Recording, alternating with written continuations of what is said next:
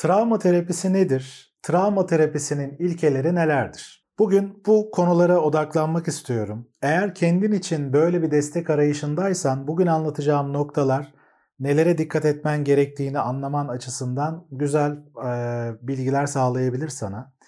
Bunun dışında eğer beni bir meslektaşım olarak dinliyorsan ki genç terapistlerin, e, hani terapistliğe yeni başlayan kişilerin de kanalımı takip ettiğini biliyorum. Yani yorumlardan bunu görüyorum. Bu noktada da aslında travma terapisinin ilkeleri konusuyla alakalı güzel bir giriş olabilir. Eğer böyle birisiysen bu arada e-posta gruplarımdan meslektaşlara yönelik olan e, e-posta grubuna da katılmanı öneririm.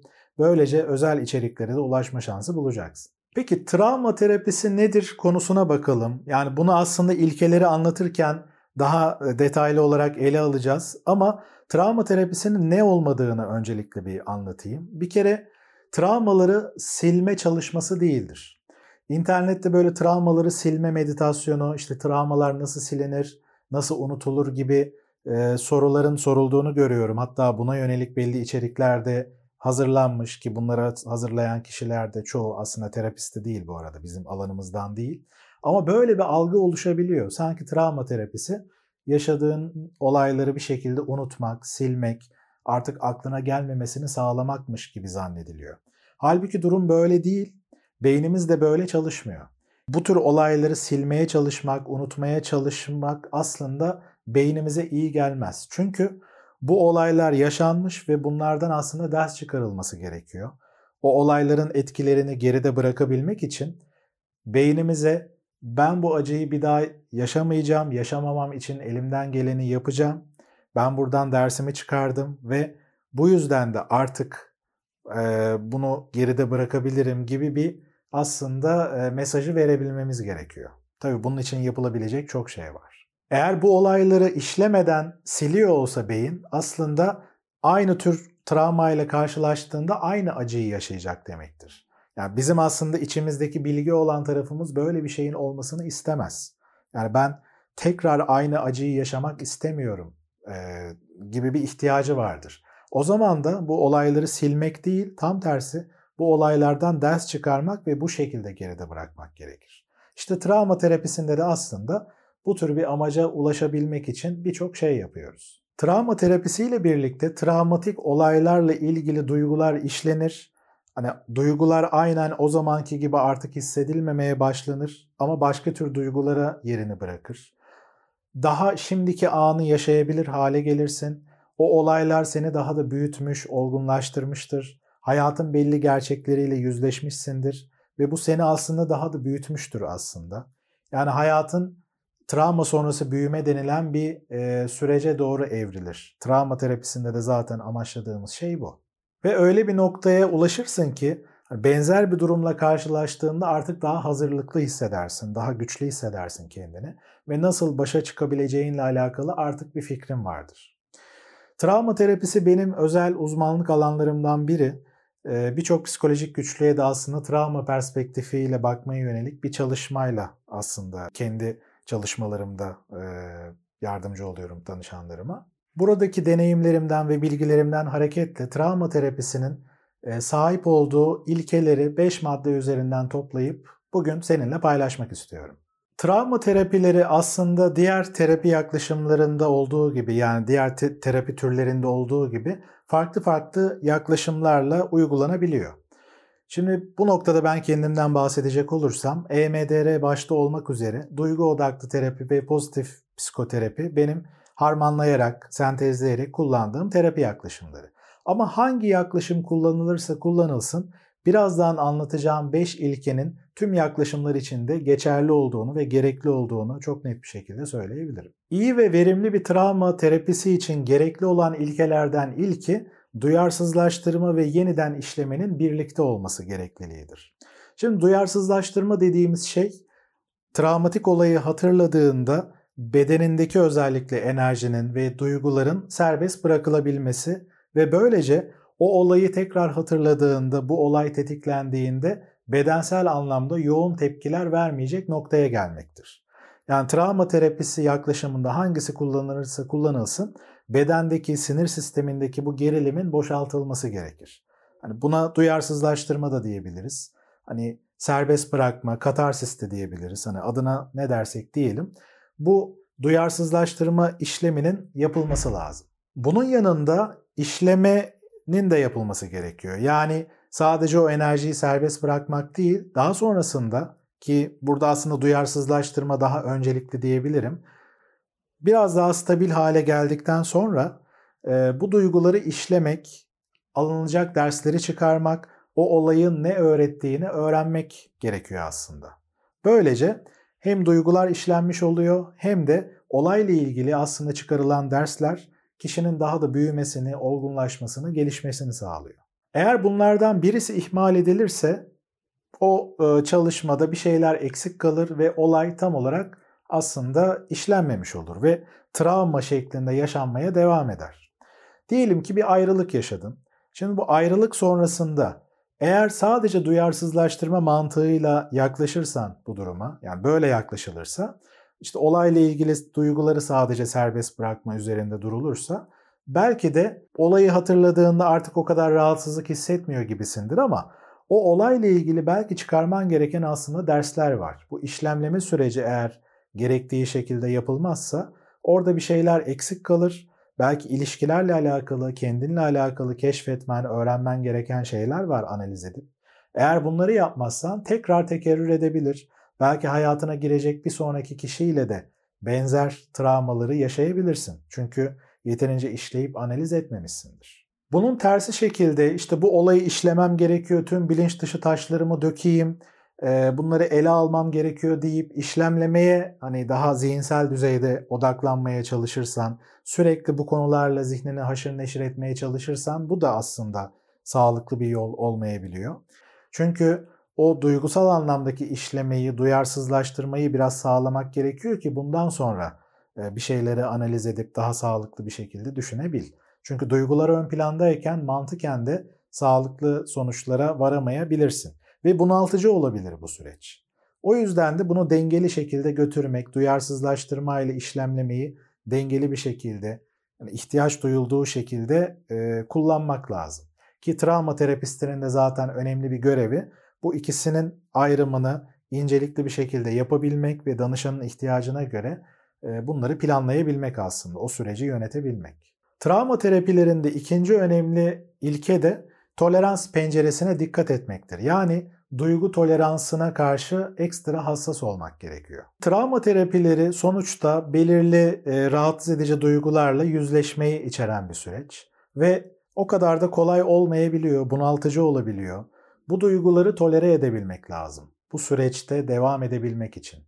Eğer toleransı çok zorlayacak şekilde e, duygularla çalışılırsa bir işkence gibi işte belli konuları fark ediyoruz, yüzleşmek gerekiyor, acı da olsa sonuna kadar, dibine kadar gitmek lazım gibi bir baskıyı eğer kişi kendi üzerinde hissederse kendini kapatmaya başlar. Yani bilinçli olarak olmayabilir bu bu arada. Yani kişi gerçekten cesaret gösterip ben sonuna kadar gitmeliyim deyip belki kendini çok zorluyor, çok ittiriyor kendisini belki de. Ama hani bünyesi sistemi kendini kapatabilir ve verim düşer. O yüzden de hani uzman olarak aslında bizler travma terapisinde duygu toleransına uygun şekilde kademeli bir şekilde yani vitesi bir nevi arabanın vitesini ona göre ayarlayarak gitmeye özen gösteririz. Ve tabii ki bu hızı belirlerken karşılıklı olarak yani danışanlarımızla uyum halinde onlarda mevcut terapideki hani işleme hızımız e, nasıl yansıyor, ne kadar uyumlular, ne kadar cevap veriyorlar, ne kadar verimli bir şekilde işlemleme devam ediyor. Tüm bunları göz önünde tutmamız gerekiyor. Ki bizim aslında uzmanlığımızın en önemli noktası da bu hız ayarını iyi bir şekilde yapabilmek aslında. Travma terapilerinin olmazsa olmaz diğer bir önemli ilkesi de güven ve açıklığın olmasıdır terapistle danışan arasında. Sonuçta travmalar aslında bir nevi karanlık sulardır ve karanlık sulara dalmaktır aslında travma terapisi. Şimdi karanlık sulara dalarken yanında güvendiğin birisinin olmasına ihtiyaç duyarsın. O zaman daha güvende hissedersin.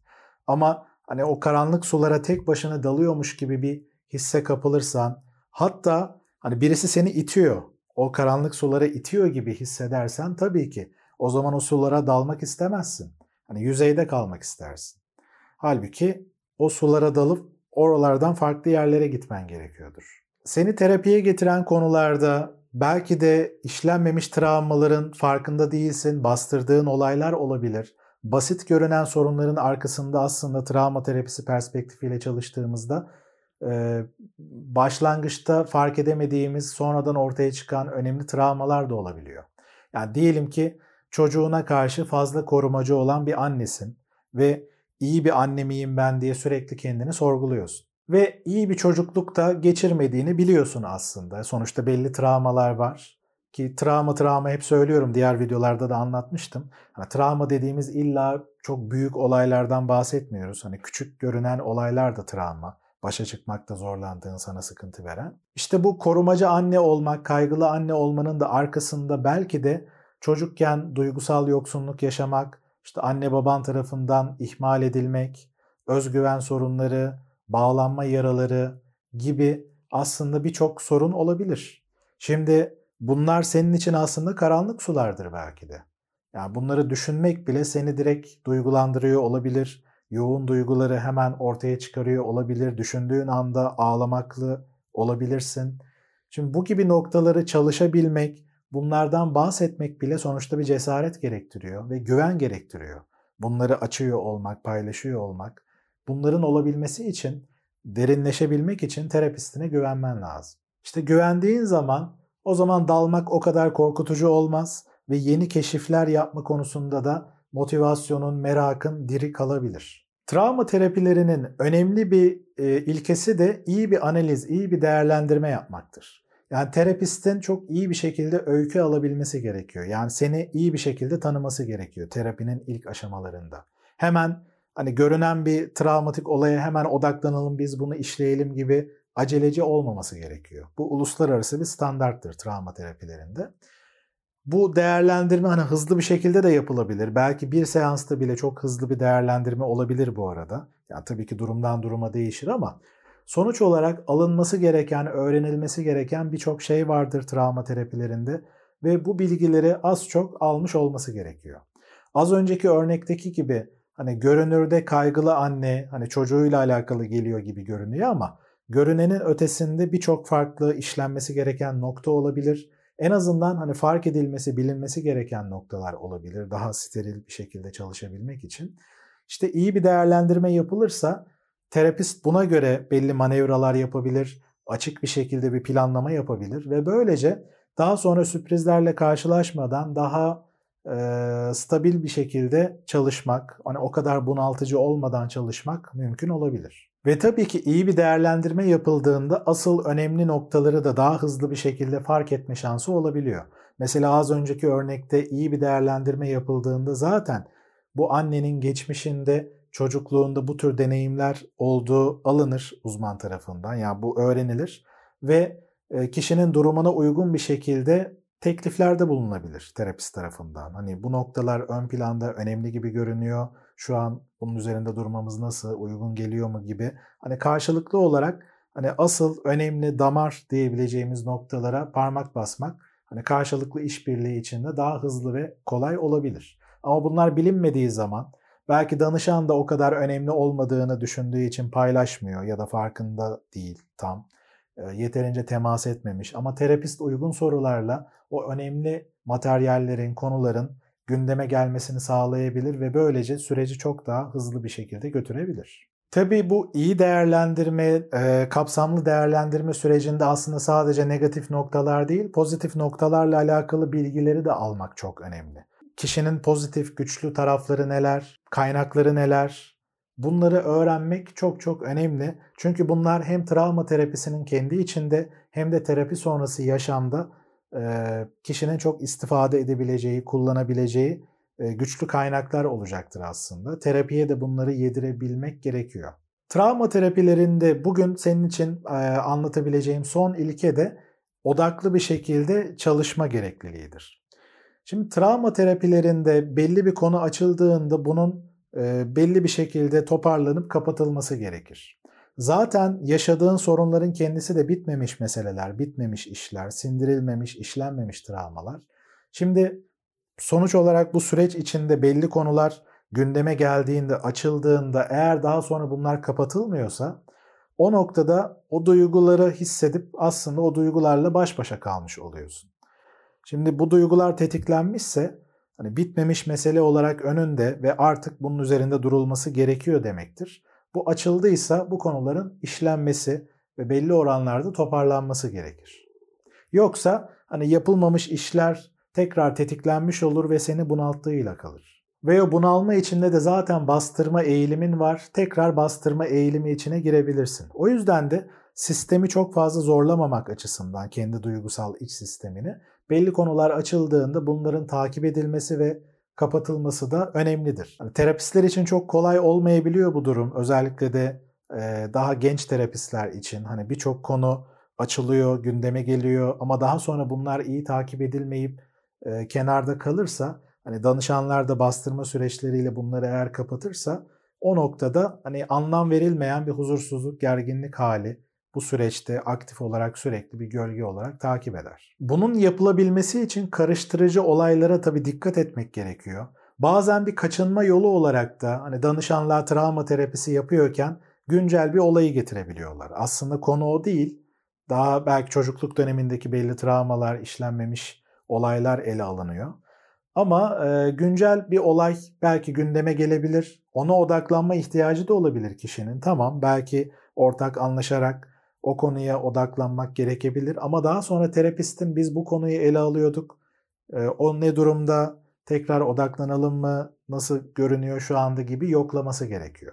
Diğer bir önemli dikkat edilmesi gereken şey de bu gündemde tutma açısından alkol madde bağımlılığı gibi eğer belli durumlar varsa bunlar aslında belli duyguların tetiklenmesini bastırma malzemesi haline gelebiliyor. O zaman da hani odak noktası yine dağılabiliyor. Hani bir konu diyelim ki tetiklendi, gündeme geldi, duygular açıldı seansta. Aslında bu bir sonraki seansa kadar o duyguların hani ortada olması ve o duyguları daha sonra çalışmaya devam etmek gerekir. Hatta seans arasında da kişinin eğer uygunsa, tolere edebiliyorsa düşünmeye, işlemeye devam etmesi önemlidir aslında. Ya da zorlanıyorsa da bir sonraki seansta kalınan yerden devam etmek gerekir. Ama alkol madde bağımlılığı, alkol madde kullanımı varsa o noktada kişi eğer o yükselen duygularını bu tür şeylerle bastırmaya çalışırsa bu aslında travma terapisi için iyi bir işaret değildir ve hani bir şekilde alkol madde bağımlılığını e, kullanımının daha da artırabilir. Böyle bir risk vardır. O yüzden de travma terapilerinde aslında alkol madde bağımlılığı kullanımı gibi durumlar varsa erteleme yapılabiliyor. Yani önce o bağımlılık konusunun bir stabil olması sağlanıyor. Ondan sonra travma terapisine odaklanılabiliyor bu gündemde tutabilmek açısından. Eğer travma terapisi alıyorsan ya da almayı düşünüyorsan bugün seninle paylaştığım bu 5 ilkeye dikkat etmeni, bu ilkeleri yoklamanı öneririm. Eğer aldığın terapiden verim sağlayamadığını görüyorsan muhtemelen en az bir tane ilke gözden kaçırılıyor demektir. Eğer böyle bir durum varsa tabii bunu terapistinle açık bir şekilde konuşmanı, paylaşmanı öneririm. Çünkü çoğu zaman bu konular konuşulduğunda bir şekilde bir orta nokta bulunabiliyor. Konuyla ilgili, travmalarla alakalı, travma terapisi ile ilgili aslında EMDR travma videoları dizisinde birçok aslında videoyu paylaştım. Travma terapileriyle alakalı birçok ilkeyi EMDR'yi anlattığım videolarda da görebilirsin aslında. Çünkü EMDR de bir travma terapisi. O açıdan baktığımızda hani direkt EMDR ile ilgilenmesen bile travma terapisi ile alakalı bilgilerini derinleştirmek açısından EMDR videolarımı da izlemeni öneririm. Kendine iyi bak ama gerçekten iyi bak. Travma terapisi almak kendine iyi bakmanı kolaylaştırabilir. O yüzden hani bu konuyu önemsemeni öneririm. Tekrar görüşmek üzere.